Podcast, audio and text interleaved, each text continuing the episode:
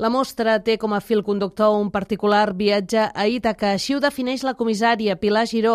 Diu que és un recorregut que es fa primer pels eixos centrals de l'obra de Guinovart, la terra, amb Agramunt com a eix central, el mar o el camp, i després per la mirada que l'artista tenia sobre la seva feina, que era no pas representar la realitat, sinó presentar-la i en totes les disciplines. Podríem dir que són peces que desdibuixen les fronteres de les diferents disciplines artístiques.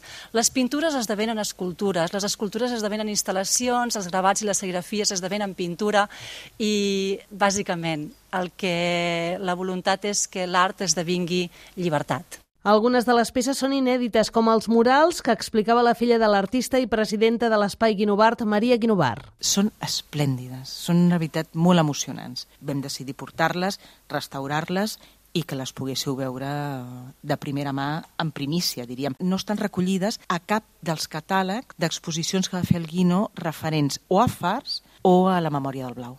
Creiem que era dels últims projectes que estava fent abans de morir.